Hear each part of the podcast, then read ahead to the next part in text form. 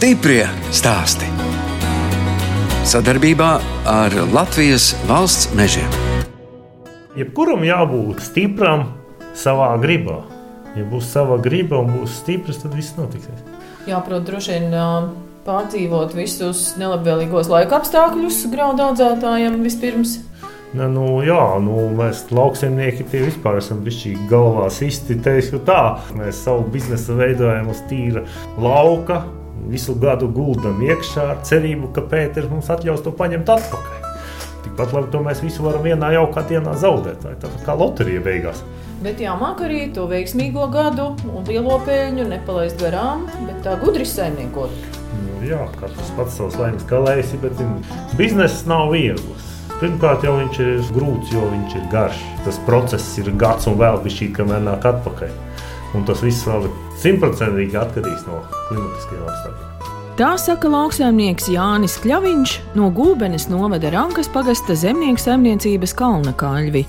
Es, žurnāliste Daina Zalamane, šoreiz tiekos ar bioloģisko graudu audzētāju, kurš 650 hektāros audzē graudus, pamatā rudzus un ķimenes. Bijušajās kolhoza darbnīcās, kur tagad Jānis saimnieko, žūst arī paša audzētā āboliņa sēkla. Iegūst savā saimniecībā pats priekš savas augsekas. Ja viņai jānopērk, tie šausmīgi izdevumi. Un izdodas sev novākt, tas ir ļoti liels ietaupījums. Te jums ir pašam maza kalte. Tā ir veca improvizēta kalte, kurai uz sietiem sabērta un ar ventilatoriem pūšam tādā veidā.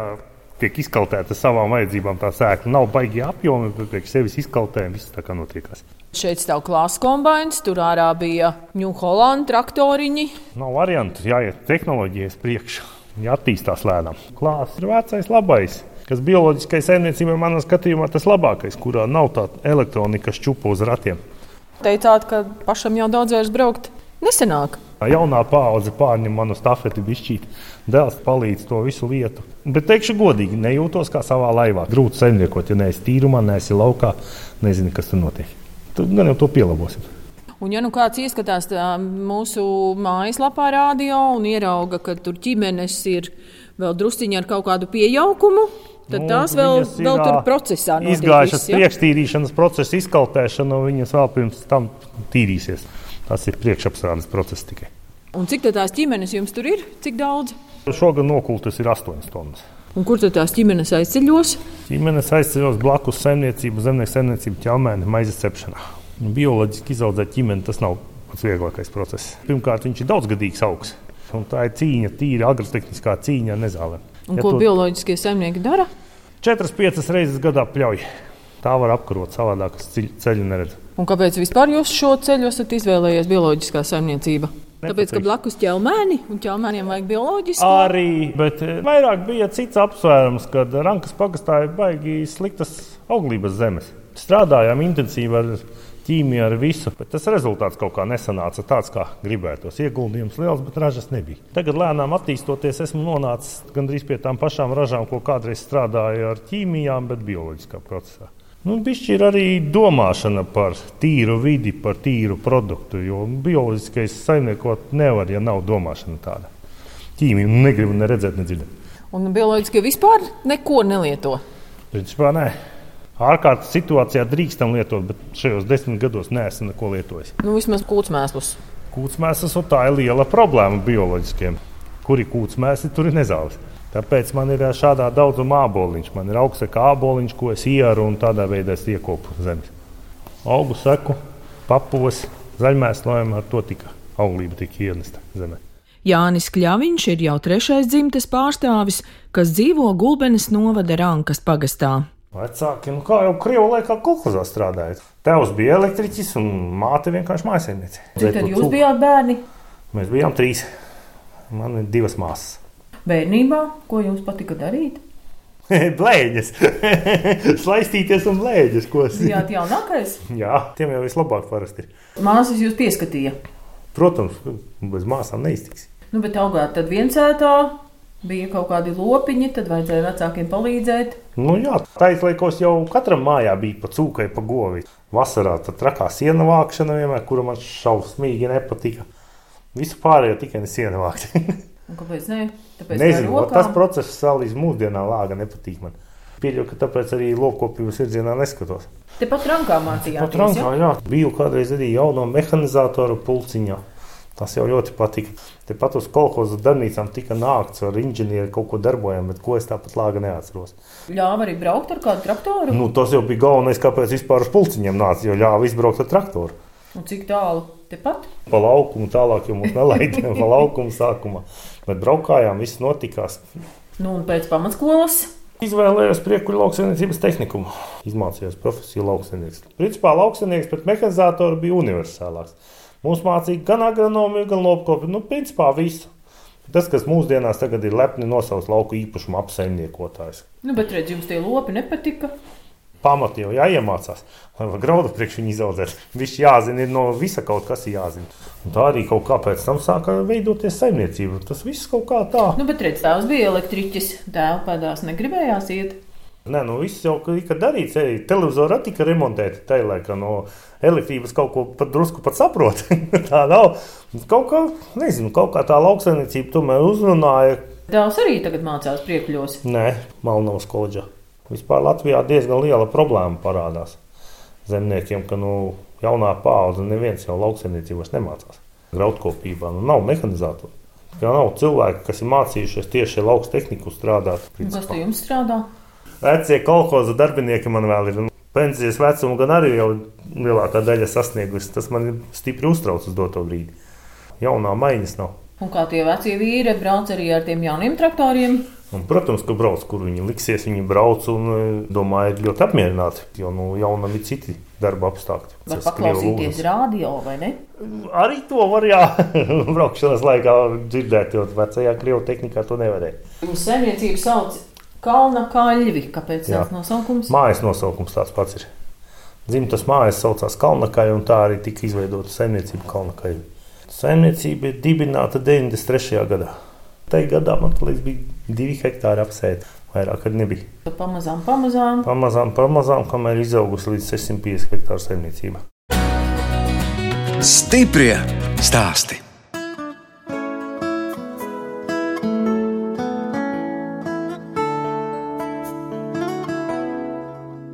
Jūs klausāties redzējumu stipri stāstī. Šoreiz ciemojos Gulbenes novada Rankas pagasta zemnieku saimniecībā Kalnakaļvi pie Jāņa Kļaviņa. Viņš apsaimnieko 650 hektārus, no tiem 500 hektāri ir īpašumā, pārējie tiek nomāti. Jānis audzē graudus un ķimenes. Mēs ar viņu runājamies bijušajās kolhoza darbnīcās, dispečera telpā. Katrs rīts sākas no šeit, no šejienes. Tad darba sadale. Un cik ko sākat? Astoņos no rīta? Plus mīnus astoņos. Nav striktas. Es dzīvē pieeju diezgan tādā brīvā režīmā. Jums te ir savs kabinets, un kas tad te blakus sēž? Citos kabinetos. Te ir principā strādniekiem atpūtas telpa, dušas uztaisītas. Strādnieki arī jāparūpējas. Pusdienas var pārst. Vajag arī vietu, vienu smuku izremontēt, kur tomēr var cilvēku arī uzņemt. Kas te jums te pat tādu nišu vēl tāda? Ideja, kā brāķi pa labumu uzvērst. Piebūvēta klāta ēka, tas ir vecs sloks bijis. Vienkārši mm. uztaisīja tādu smuku nišu. Te jums ir viena telpa ar gultiņu. Te man arī sargam savu vietiņu atvēlēta, jo nu, ir saimniecība gana liela ar lielām vērtībām. Spiests algot gan sargu, gan arī video novērošanu uzstādīt savam sirdsmieram. Nu, nav variantu, nu, kaut kā jācīnās ar to visu, jo cilvēki mēs esam visādi. Ir kas negrib strādāt, kas domā, ka vieglāk paņemt, tad tiem jācīnās. Bet tādu netrūkst laukos. Ir arī izdevies noķert, ir visādi pieredzi. Un degvielas ir savu laiku zuguši arī, protams. Gribot, negribot, jāalgo darbinieks sargs.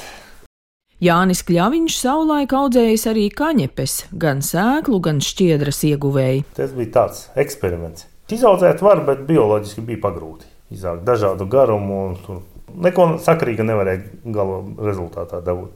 Sākumā bija pirmais eksperiments, tiešām eļļai. Nepadevās tās ražas, bet tad bija piedāvājums paprovēt šķiedrai, bet visa tā apstrāde. Tā kā pa jauno, bet ar pagājušā gadsimta tehnoloģijām, tas man ļoti nepatika. Bija ražības galīgi garām, kuras es neatbalstīju un noliku to visu pie sēdes. Principā apmierināts, ka to es nedaru. Un ko te jūs tur uz Franciju vienu laiku tirgojāt? Audzēju saimniecībā grīķus, un ir bijuši gadi, kad ir saražota labas kvalitātes, kas ir derējuši Francijas rūpnīcā bezglutēna pārtiks ražošanai.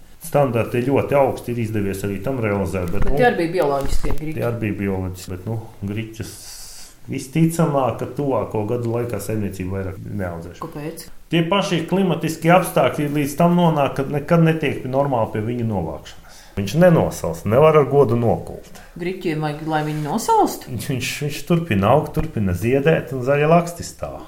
Intensīvām jau varbūt vienkāršāk nobraukt ar miglotāju, nomiglo un pēc nedēļas nokuņam. Smukus, sausus, tīrus. Man bez salnām tur būs mitums līdz 30 un vēl kaut kas un zaļa putra bunkura. Viņš apsalst, izkāst atvēru. Nu, pēdējos gados tās salnas atnāk oktobra vidū, kad arī ir lietus un sniegs ar vēl klāt. Pagājušajā gadā palika visas 130 hektāri. Bet, ziniet, viena labā lieta ir tāda, ka jums nekad nav garlaicīgi, vai ne? garlaicīgi. Jūs varat to pamēģināt, un šito pamēģināt, un viens pats tāds, viens šitāds. Tāpēc ir saimniecībā ienākusi vasaras rudzu kultūra, kad līdz ar to arī vietu vajag citai nišai. Un arī rūtas ir garā kultūra, kas cīnās ar nezālēm, tāpēc arī varbūt grīķis nebūs baigais zaudējums. Kaut grīķis ir ļoti labs augsts, cīnās gan ar slimībām, gan ar nezālēm, gan ielaba augstni. Kas tad jums ir tā pamatkultūra? Pamatkultūra ir rudzi. Un atkal tai pašai mūsu blakus saimniecībai, ķelmēniem, maizes cepšanai. Visu laiku bija ziemas, un no pagājušā gada ienākusi arī kultūra vasaras rudzi, par ko ļoti daudzi bieži vien ir izbrīnīti. Tāda jau rankā jau otro gadu auga. Ļoti tuvu ir ziemas rudzu ražība. Bišķi ir mazāka raža, bet izaug viss notiekās un maize no viņiem var izcept. Ziemas rudzi pēdējos gados ir ļoti liela problēma izaudēt. Ziemas ir nežēlīgas, viņi izsūta un visādi brīnumi mums notiekās. Tāpēc arī alternatīvu esam piemeklējuši. Tomēr vasaras risks ir daudz mazāks. Raža ir daudz... tikpat liela kā ziemas rudziem? Nedaudz mazāk, 10-15% mazāk. Pateikšu to pēc pieciem gadiem. Kas īsti ir? Tik ilgi jo jāmēģina. Vienā gadā nevar slēdzienu pa graudaugu uztaisīt. Pagājušais gads bija sausais, nu nebija tā labākā raža. Šogad jau ir labākā raža. Lai nāk vēl rītīgi slapjais gads, pateiksim. Vēl ir jāatrod, aiz kāda auga viņš gribēs labāk augt. Tas viss jāatrod. Jo... Un kā jūs to šķirni izvēlaties? Šķirnē vasaras rudzēm ir vienīgā pieejamā Zviedrijā. Es saku, daudz agronomu pat nezinu, ka tāda ir. Tāpēc... Jūs esat viens no retajiem, kas kaut ko tādu audzē? Nu, tur ķelmēnu saimniecība centās to atrast. Mēs esam diezgan liela sadarbības partneri, kompānija un domu biedri. Tad es arī atbalstīju un arī sev mēģinu audzēt to visu. Tu jūs savus graudus tikai audzējat priekš ķelmēniem? Rūdzi simtprocentīgi aiziet ķelmēniem maizē. Varētu audzēt daudz vairāk, un viņiem vajadzētu. Ķelmēna maize jau tomēr Latvijā ir zināma un populāra. Tas ir tā patīkami audzēt tādai saimniecībai. Protams, tas ir gandarījums audzēt tam bez jautājumiem. Paši arī ēdat ģimenē ķelmēnu nu, maizi? Nu, protams, ēdam un atbalstam un vienmēr slavēsim. Pēc skaņepēm pārgājis ģimenēm tieši ar tādu domu, ka maizei tādas ir vajaga.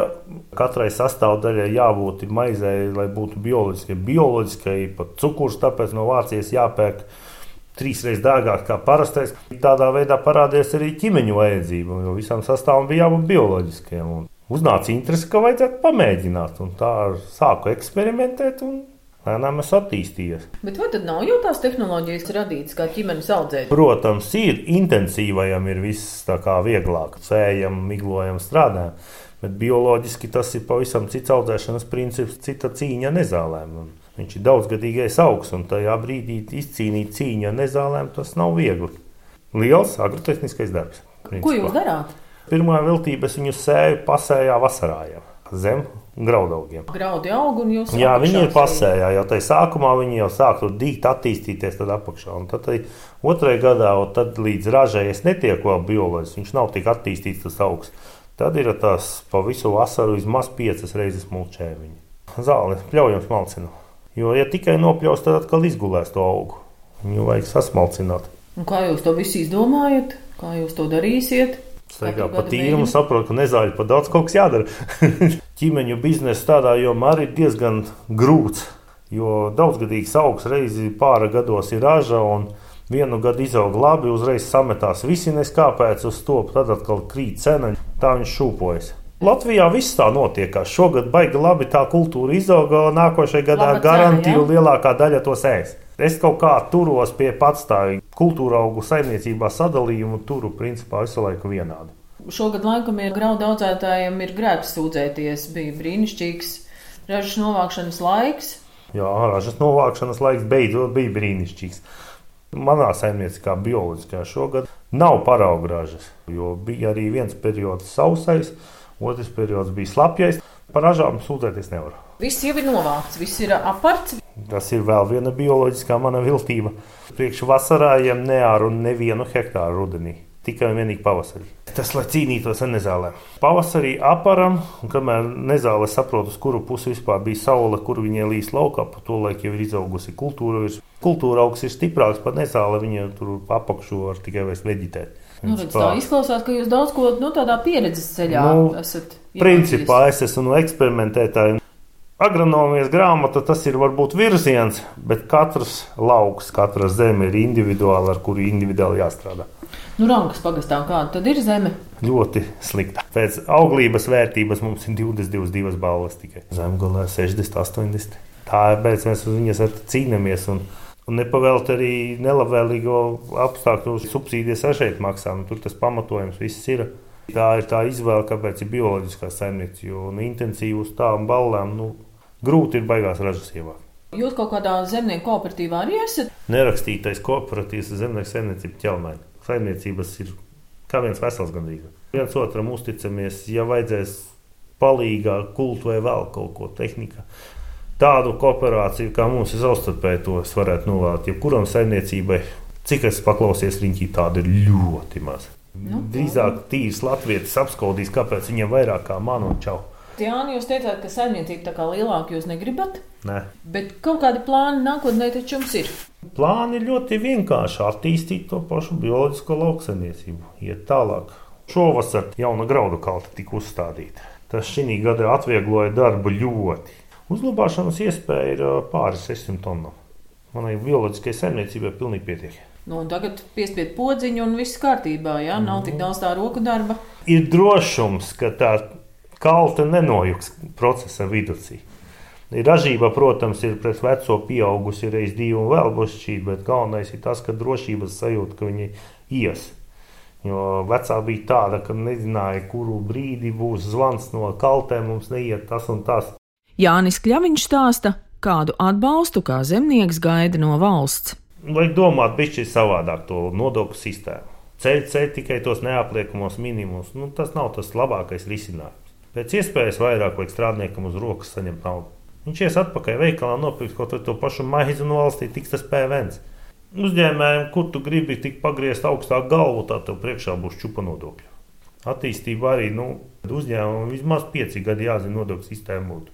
Mēs nezinām pēc pusgada, kas būs. Mums uzmet nodokli, un tad skatās, kā viņš strādā. Ai, neiet, vajag pieregulēt tā un šitā. Nu, kā mēs varam plānot? Lauksaimniecībā tie ir divi gadi. Ieguldam, ieguldam, ziemā aiziet pusotrs gads. Līdz divi gadi mums jāzina, kas uz priekšu ir. Mēs jau graudu cenas nezinām, kur nu vēl nodokļu sistēma. Paši lauksaimnieki saka, ka tomēr tā graudkopības nozara tā ir tāda sakārtot nozara. Kā nozari minot, jā, nu, par to man iebildumu nav. Bet nu, nodokļu politika Latvijā tas ir lielais nezināmais. Valsts nekad nav palīdzējusi un diez vai kādreiz beigas palīdzēs. Nezinu, vai nodokļi pa vielu, bet visa sistēma ir sakārtota tikai vieniem vārtiem - tikai valstī. Bet nevis lai nāktu pretīm uzņēmējiem. Tie lielākie darbi tad ir aiz muguras. Nu, ja jūs rudenī pat zemi neārat, tagad būs tāds mierīgāks laiks. Nu, jā, gatavoties nākošam cēlienam. Pat jau ir idejas, ko pa ziemu jāpārbūvē, jāuztaisa, jāuzbūvē un jāizremontē. Es esmu no tiem, kas diezgan lielu tehnikas daļu paši taisam, pārbūvējam, pielāgojam. Un tās darbnīcas tāpat prasa uzturēšanu. Darba pietiek. Cik tie jums darbinieki ir? Uz doto brīdi ir pieci. Lauksaimniecība tā ir vēl viena nelaime graudkopībai. Cevišķi, kad uz sezonu pavasarī divi mēneši, rudenī divi mēneši. Netiekam galā pārējo laiku, tiekam galā un pat pāri paliek. Tā ir lauksaimniecības specifika. Saimniecība ir arī meža, un tad jau tās ziemas paiet. Melnācijas grāva, tīrīšana no krūmiem, meža darbi tiek klāt, pienāk, tad jau tie to ziemas periodu aizpilda ļoti ātri. Meži kopā ir pie 80 hektāriem salasījušies. Pietiek arī tur darba. Bet Jānis, jums ir gribējies būt tādam vadītājam, īpašniekam, vai tas tā dzīvē vienkārši ir sanācis? Nē, man lielākais katorgas darbs ir atrasties oficiālā un kārtot dokumentus, papīrus. Tas man ir-? Grāmatvedē ir, protams, grāmatvedība var, bet tāpat ir visādi līgumi, visādas ņemšanas papīri. Mans darbs ir atrasties traktorā un tīrumā. Tas ir priekš manis, tas ir manai dvēselē. Nu, jūlijas, augusts, jā, tā, kad ir vārpas, kad lauki zeļ un plauks, tas ir tas foršāk. Bet pats, pats foršākais, pats labākais mirklis tomēr ir ražas vākšana, kad tu kombinācijā brauc iekšā, ka tu to savu darba rezultātu vari gan ar aci baudīt, gan aptaustīt. Tas ir tas galvenais brīdis. Es varētu pat tā diezgan droši teikt, ka viss rankas pagasts mums ir viens bioloģiskais pagasts. Visapkārt ir vienas bioloģiskās saimniecības. Un tur cer labāko maizi. Cik tad jūs vispār esat graudaudzētāji? Tādas lielas ir divas. Kalnakai un ķelmēni. Ķelmēni paši arī audzē graudus? Jā, lielās platībās. Es esmu maziņš. Nu, lopkopu saimniecības tālāk mums ir bioloģiskās ar visas apkārt. Gan slaucami, gan gaļinieki. Man liekas, Latvijā jebkurš ārpus pilsētas ir lauksaimniecības pagasts. Stiprie stāsti!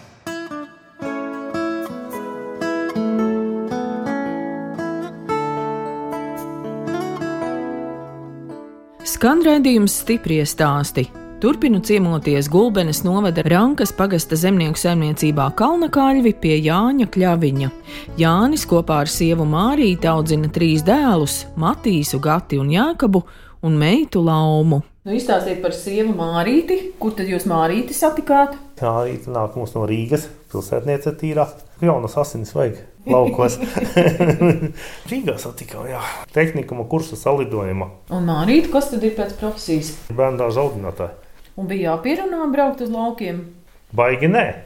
Ļāvās diezgan viegli. Tagad vairs ir viena diena pa Rīgu, jau Rīgu vairs negrib redzēt. Tās rīznieces arī kļūst par lauciniecēm. Protams, doto brīdi arī strādā manā saimniecībā darba aizsardzības speciālists. Jums ir četri bērni, tur jau arī ir bijis ko visu laiku darīt. Nu, tieši tā.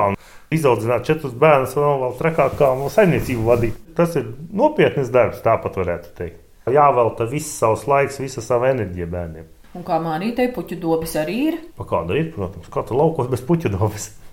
arī audzējiet visu pašu iztikai. Maz dārziņš ir, bet šausmīgi neiespringstam un gatavot sievai ļoti patīk. Viņas vietā ir virtuve. Nu, ģimenē četri vīrieši, tur ir ko rauties droši vien. Jā. nu, tad par tiem saviem bērniem izstāstiet. Tātad Matīs, vecākais dēls, ir jau jums palīgs. Jā, tas jau ir divus gadus pilnā gandrīz slodzē palīdz.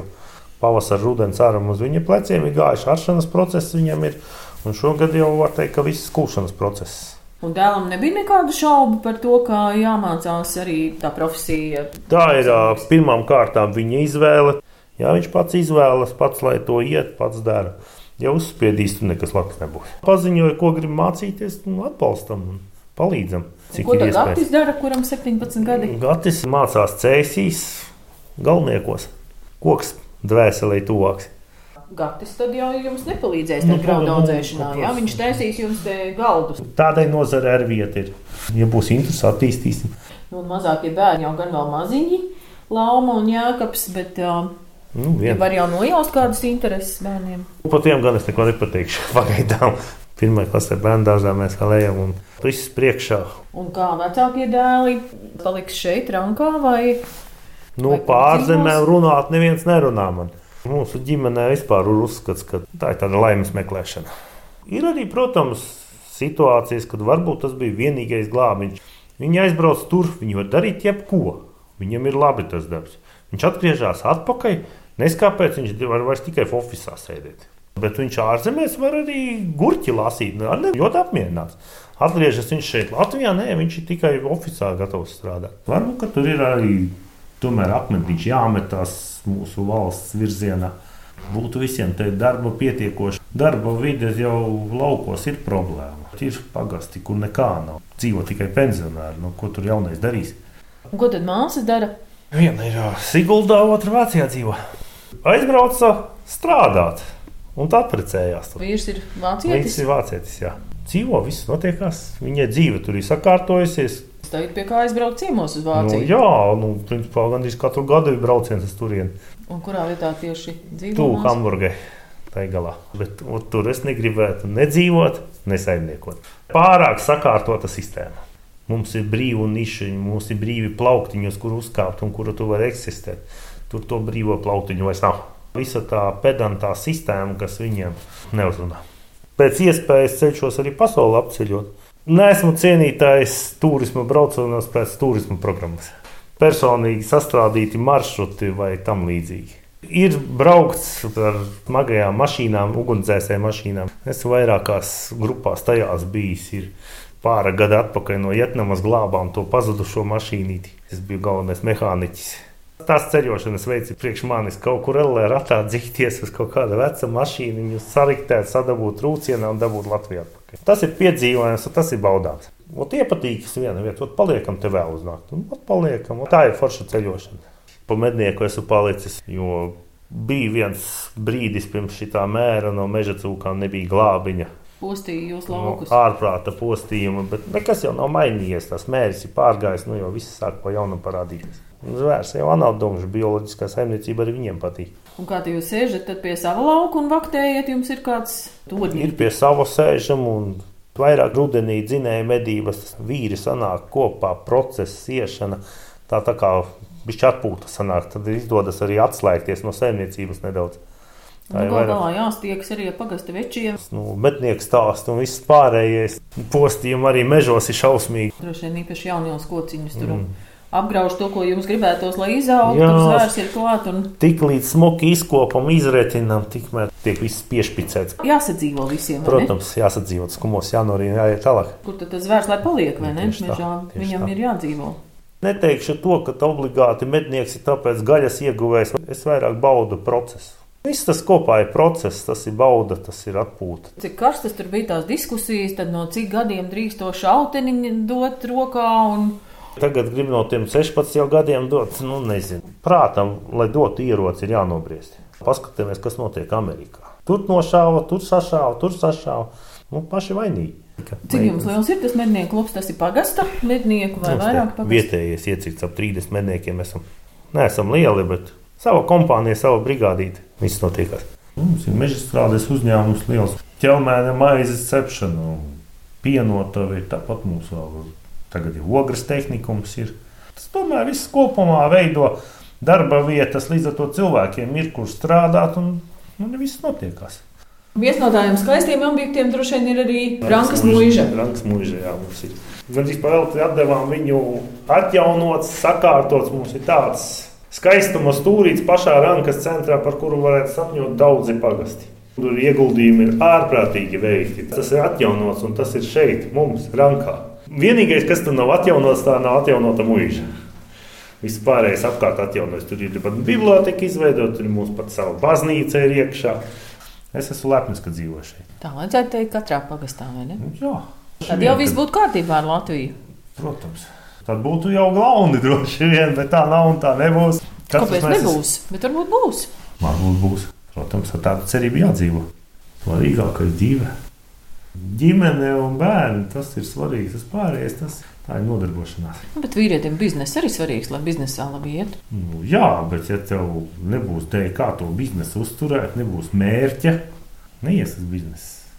Ja tev ir mērķis dēļ, kā tu studē savu biznesu, dēļ, kā tu strādā, dēļ, kā tu cīnies, tad ar visu notiek. Jā, kā jūs pats par sevi teicāt, ka jūs esat tāds mājas cilvēks. Tas tā vienmēr ir bijis, ka tās mājas ir tādas ļoti svarīgas. Jā, galvenais ir mājas. No kuras pasaules malas tu atgriezties, tu atgriezīsies ar domu, nekur nav tik labi kā mājās. Man tas ir ranka, tā ir manas mājas.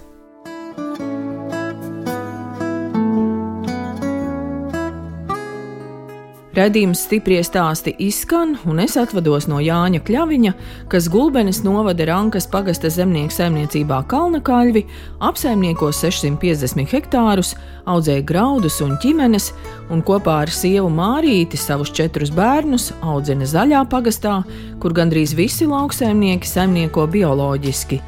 No jums atvedās žurnāliste Dāna Zalamana un operators Toms Šupeiko, lai tiktos atkal tieši pēc nedēļas.